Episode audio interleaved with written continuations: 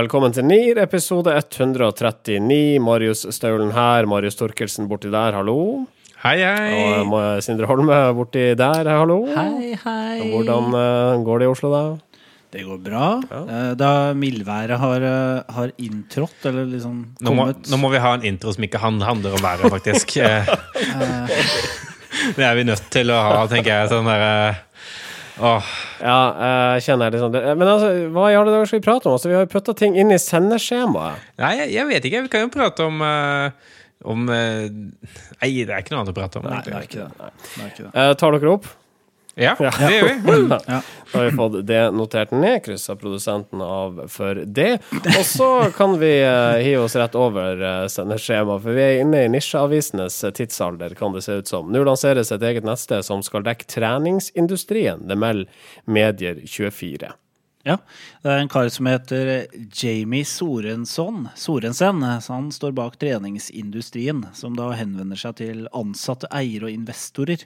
Og leverandører til eh, de her treningsforetakene. Og det er jo en eh, megatrend, eh, trening. Så skulle, skulle bare mangle når maskin og anlegg, frisører, dagligvareaktører har sine egne nisjeaviser, så bør jo treningsbransjen også få det. Jeg, jeg, jeg syns det er rart Jeg synes De bommer litt på avsatsen når de kaller det for treningsindustrien. For altså, trening er jo ikke en industri, det er jo en bransje. Altså En industri det er enten, det er ifølge Wikipedia, i hvert fall, da, som jeg stoler på, det er råvarer som blir omskapt til ferdige produkter. Det er produksjon som foregår i stor skala. det kan man jo kanskje litt sånn, Men der er liksom innsatsfaktorene som arbeidskraft og maskiner er utbyttbare. Ja, kanskje.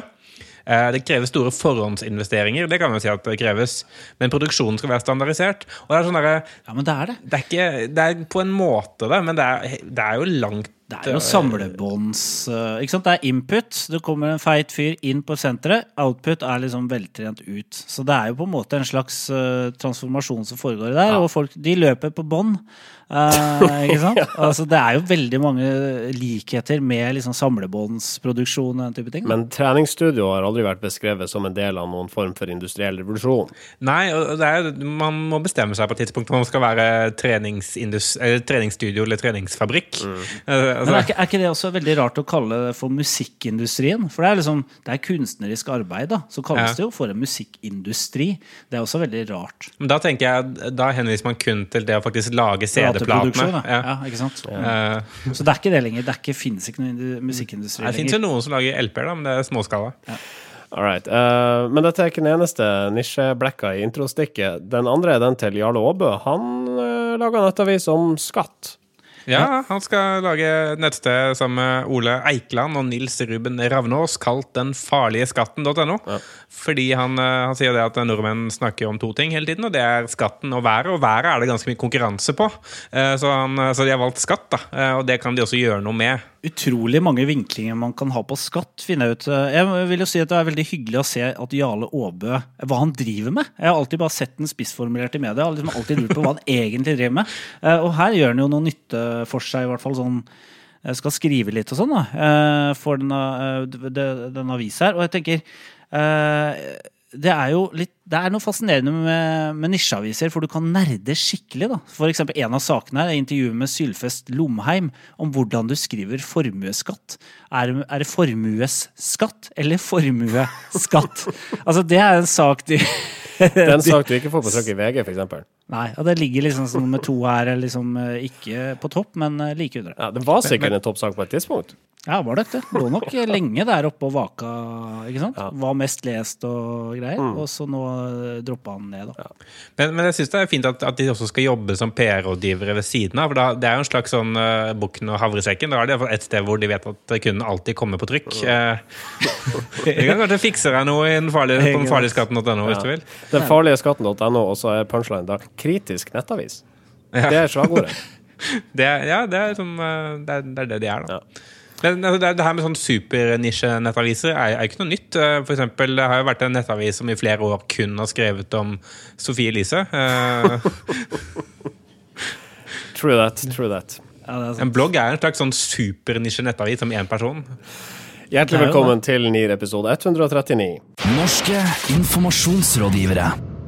Flyselskapet SAS satser på at musikk skal sørge for flere kunder. Denne uka lanserte de konseptet SAS Live Music, et konsept der artister holder konserter på flyplasser, i lounger og ikke minst oppe i lufta, i fly. Prosjektet kjøres i samarbeid med Universal, og Bendik Casa Morillo og Morten Myklebust er blant artistene som skal underholde norske flypassasjerer. Ja, det stemmer. Dette er jo noe sats... Nei! Det er vanskelig å si SAS altså, når vi akkurat snakka om trening. Men det er i hvert fall noe flyselskapet SAS har kommet på for å, for å bli hippe, eller for å tekkes noen kunder. da Og jeg syns dette er sånn erkeeksempel på når noen gjør noe kommunikasjonsmessig som er bare feil. Og jeg syns vi ser sånne ting som det her altfor ofte, da, hvor et, et reklamebyrå jeg skylder på reklamebyrået her, kommer opp med en kul idé og er sånn der Hva hvis vi har konsert inni flyet! og så er uh, SAS sånn Ja! Det er jo dritkult! Det har aldri vært en konsert inni flyet før! Og så, og så finner man på en grunn etterpå. Ja, vi må ha noe innsikt. Og så står det i, i denne pressemeldingen uh, også, eller kampanjesaken, det er jo samme, to sider av samme sak som regel. Uh, det står det at uh, Innsikt viser at de mest frekvente SAS-reisende er uh, veldig veldig glad i musikk. Og det mener jeg det, det, er bare fordi alle er veldig glad i musikk. Det er ingen særtrekk ved SAS-reisende. Så dette er ingen innsikt, egentlig?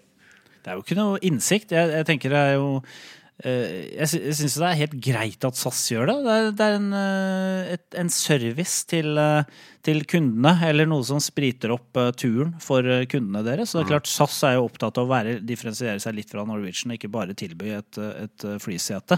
Så sånn sett så er det helt, helt, greit å gjøre det. Men her er det helt åpenbart at her har Universal Music banka på døra til SAS og sier du, vi har en idé. hva med å liksom, ja, spille konserter i fly osv. Ja, masse ledige seter, så, så da kan vi rigge et stort band, gjerne symfoniorkester, inn på flyet, men da er det ikke plass til noe publikum, da, for så vidt. Men det er ikke, altså, det, det er ikke plass til noen på SAS Pluss, for de tar jo det. Ja, ja, ikke sant? Skal de, eller skal de, skal de, da sitte og spille ned bak ved doene der, eller kommer de til å få de beste plassene? Det er sånne ting jeg lurer på, da. Mm. Uh, men ja. Men altså, vi diskuterte denne saken litt før uh, sending, og dere virka nesten å hisse dere opp over det faktum at SAS skulle ha artister inn der, fordi at uh, altså, konseptet er ikke vel, altså, godt nok begrunna. Nei, men jeg er så lei av sånne kreative grep for kreativitetens eh, skyld. Da. Jeg, jeg skjønner på en måte ikke hva dette her gir til eh, SAS og utover et, eh, et, kampanjeoppslag, eller utover at eh, de kan lage en kul video som de kan nominere til noen priser. Eh, jeg syns det bare er tull. Da. Altså, og det er ikke noe nytt heller. Altså, Norwegian hadde jo noe sånn Per Gynt skuespill i noen fly for et par, par år siden.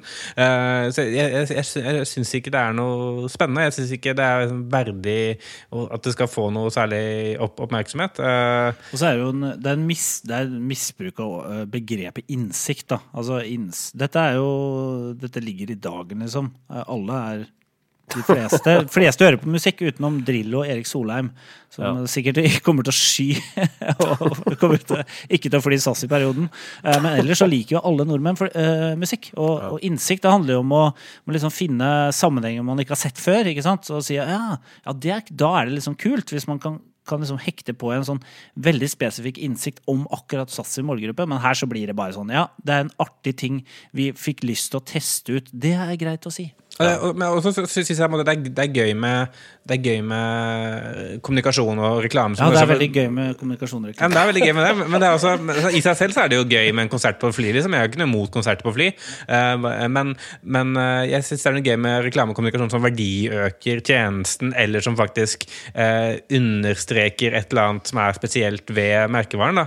Og, og det er ikke noe sånn at Eh, jeg, jeg, skjønner ikke hva dette bygger for SAS, annet enn liksom at ja, de prøver å påstå at de kjenner sine reisende bedre. Da. Eh, fordi jeg, jeg, dere liker musikk, jeg, her er musikk. Jeg tror de bommer litt på innsikt nå, for jeg tror at veldig mange på SAS de reiser i jobbsammenheng og bruker flyturen, fly, flyturen til å jobbe.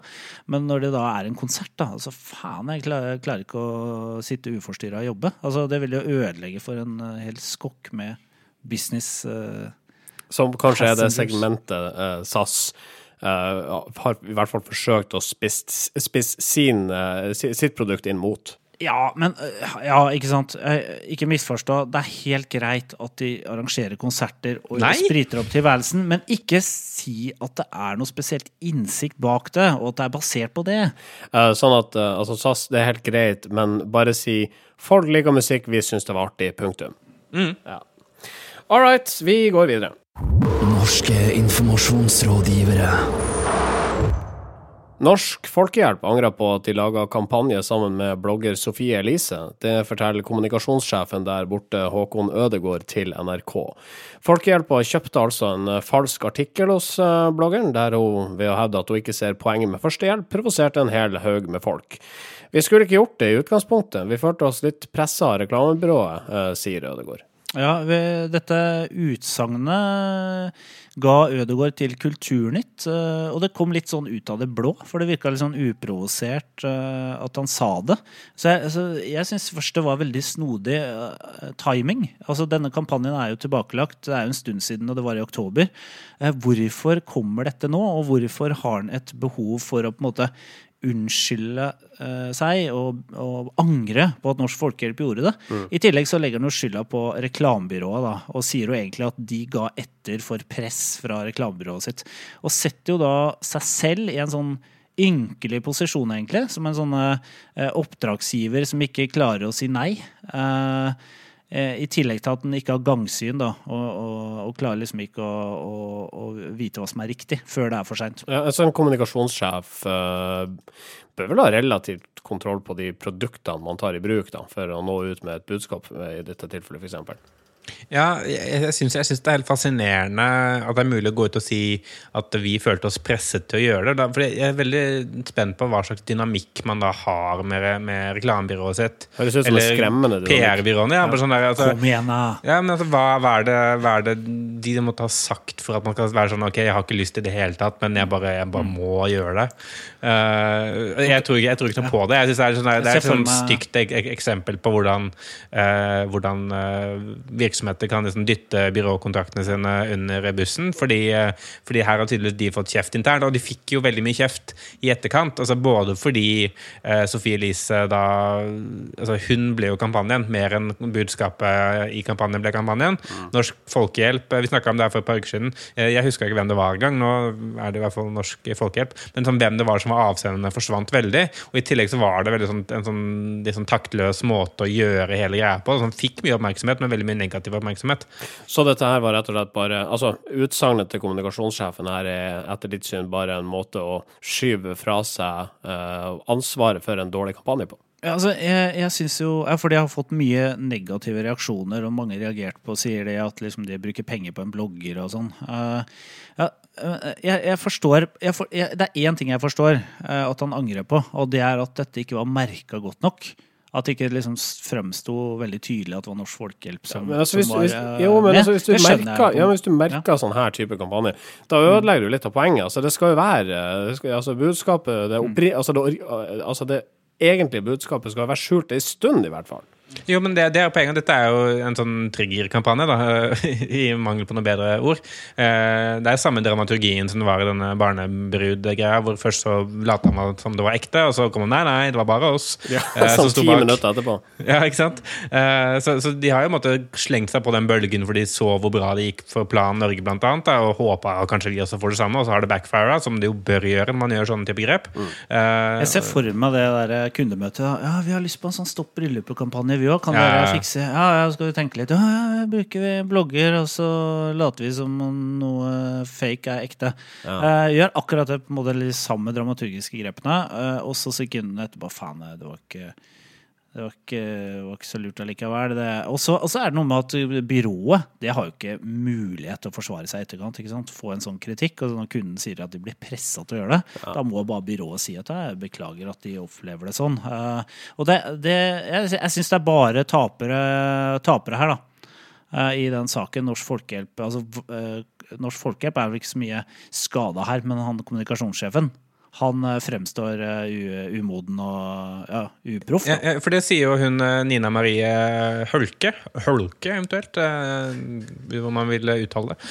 Holke, kanskje? Holke. Det- Hun er på glattisen, i hvert fall. Det hun sier, sier, er jo det at alle var enige i forkant om at man her tok en kalkulert risiko. eh, Når man valgte å gå denne veien, gå, gå nye veier for å skape oppmerksomhet, som hun kaller det. Eller gå andres veier for å skape oppmerksomhet, som det jo egentlig er. Eh, og, og hun er jo skuffet over, eh, over at eh, Eller hun syns det er synd da, at eh, Norsk Folkehjelp eh, reagerer som, som de gjør, men er jo lojal mot oppdragsgiveren, i hvert fall inntil videre. Vi kommer ikke til å ha så veldig mange kalkulerte risikoer i framtida. Det blir jo noen altså her i Norsk Folkehjelp, gi din bistand i dag. Ja, det blir bannere. Send SMS til 1989. Hei, jeg heter Sofie Elise. Du bør også støtte Norsk Folkehjelp. Send en SMS, blogger til 2252 og gi 100 kroner. Følgende beskjed er en, be er en reklame for Norsk Folkehjelp. Hei, jeg er Tolje fra Norsk Folkehjelp. All right. eh, så tommel ned da for kommunikasjonssjefen i Norsk Folkehjelp. Ned. Tommel ned. Norske informasjonsrådgivere. Eh, vi skal til Bergen igjen. Vi var der i forrige uke. Bergens Tidende, uh, på lik linje med alle andre mediehus i hele verden, prøver å tjene penger. Nå registrerer de hvilke typer nettsaker som gjør at leserne tegner abonnement på digitalaviser, og på den måten så kan de lage flere salgbare artikler. Historier om spedbarn med rusabstinenser og eiendomsbaroner i pengekrangel er blant dem som har rekruttert flest nye abonnenter det siste halvåret. Ja, det er jo et eh, selskap, et IT-selskap borte i Bergen som driver og utvikler en, en tjeneste der man kan ta seg betalt per artikkel. Uh, og jeg tenker det er jo jeg, jeg tenker det Når jeg så den saken, så tenkte jeg det var jo på tide at journalistene liksom på en måte blir målt opp uh, ut fra hvordan de blir lest, om det blir lest eller ikke. For jeg tenker det er, det er så lett å på en måte uh, skjule seg bak det her samfunnsoppdraget, syns jeg ofte. Ja, nei, det er ingen som leser artiklene jeg skriver, men det er veldig viktig for demokratiet. Uh, og eh, når du ser Bergens Tidende og hvilke saker som folk, folk, folk faktisk leser, så er jo det oppløftende lesning. For det er faktisk viktig stoff, og det vil jeg tro det er sånn type, type sånn meningsbærende aviser, da, eller de eh, de gamle mm, fullformatsavisene, eller de ja, sånn som Aftenposten, Adresseavisen Bergens Tidende, der blir jo de viktige sakene lest mye. Så det er jo kjempefint om de kan bruke det som et parameter for, på, på ting de skal lage mer av. Ja, det er ikke sånn sauen Charlie eh, hoppet over strømgjerdet, du vil aldri tro hva som skjedde etterpå. Eh, altså Denne type saker er ikke klikkvinnere hos Bergens Tidende. Nei, altså eh, vi i Aftenposten jobber jo tett eh, med bl.a. BT på dette, i og med at vi har samme eier osv. Og, og, og, og det er en ganske sånn interessant det er, Som Sindre sier, det er en sånn oppløftende ting, ting vi ser. eh, For vi, vi tenker også veldig sånn her. Altså, eh, vi følger nøye med på hvilke saker er som genererer eh, salg av digital abonnement osv. Og, og, og hvordan kan vi måtte, da, jobbe for å sikre at vi også har saker som gjør det for oss. Men, men det vi ser, er at det er ofte to forskjellige parametere. Det ene er liksom, hvem er det som genererer, genererer mest trafikk fra f.eks. Facebook. da. Og det kan være veldig sånn alminnelige eh, klikkvennlige saker. sånn der, Hvor mange sauer ser du på dette bildet? Uh, type sak. Uh, uh, men de selger veldig dårlig, dårlig da. Eh, mens eh, saker som er tyngre og som er ekte og god journalistikk, de, eh, de selger ofte bra, men klikker dårligere, kanskje. da. Mm. og, og det er veldig oppløftende når man da har valgt en eh, abonnementsmodell da, eh, inn, inntil videre, holdt jeg på å si. At, eh, at eh, vi faktisk eh, kan ta betalt for det stoffet som er eh, bra, eh, og som sånn objektivt, kvalitativt sett er, er bedre enn eh, mange andre. Og jeg tenker, og jeg tenker at eh, sant, Du ser vi var inne på det innledningsvis, at det er en nisjifisering som skjer i, i media. At eh, stadig flere, flere bryter ut og starter sine egne aviser. Så tenker jeg det er, kanskje, det er kanskje viktigere for type aviser som Bergens Tidende og Aftenposten å holde fast ved sin kjerne og det de er gode på. Sånn at man liksom ikke blir så schizofren. Det har jo vært Dagbladet sin store, sitt store problem. At de både liksom har vært eh, liksom tungt kulturstoff, men også mye sladder. Uh, og det har gjort liksom at eh, begge leire på en måte Eller i hvert fall de som er veldig kulturinteresserte, de har kanskje gått til Morgenbladet isteden. Fordi at det er for mye drit i Dagbladet. Sånn at den der de schizofrene profilene, da, eller hva skal jeg si, aviser med en altfor sånn sprikende profil, de vil slite i fremtiden. All right, vi er ganske inhabile her. altså Bergens Tidende og Aftenposten er, har samme eier. Du jobber der, Marius. Så uh, Så ikke snakk så mye om dette. Jeg, jeg gir tommel opp, jeg. Ja. Selvfølgelig gjør du det. Dette er endelig noe bra som vi har snakka om i dag. Ja.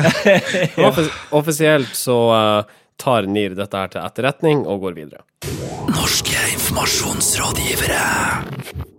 Satirekontoen Sosiale medier-eliten ble en stor snakkis i fjor, rett og slett fordi den gjorde narr av stort sett alle profilerte SoMe- og kommunikasjonshoder i Norge. Mannen bak kontoen heter Trym Stene, som HP Hansen eh, etter hvert kunne avsløre. Eh, Og eh, Sindre og Marius, dere har hatt godeste Stene i studio.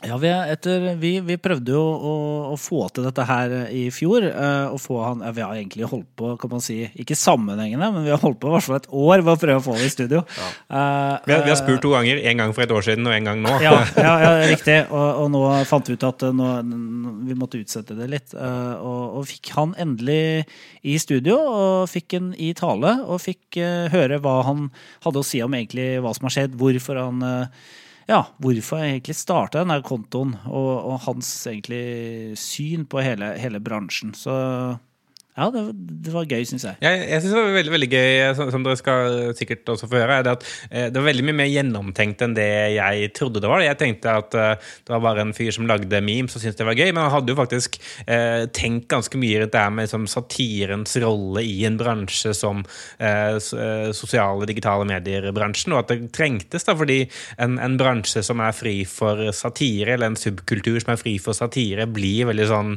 eh, blir veldig konsensusdrevet og veldig sånn eh, nesten sånn innavl, da. Eh, så han, han satt jo måte fingeren på noe som, som jeg tror trengtes i etterkant. Når man ser, sånn i etterkant, så trengtes det også fordi, fordi det ga en slags sånn motkraft. Da. Det ga en slags sånn eh, toside eh, til, til en bransje som ikke har fått noe kritikk. All right, vi kan la Trym Stene sette ord på akkurat det der sjøl.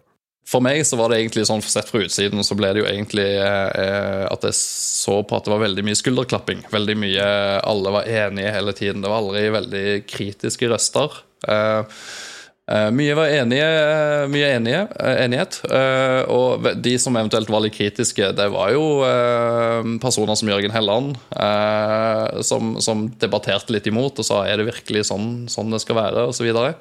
Men veldig få som hadde brodd. Det var veldig lite brodd ute og gikk. Jeg er veldig fan av at når man først skal eh, utfordre de etablerte rammene, så skal man si ifra litt skikkelig.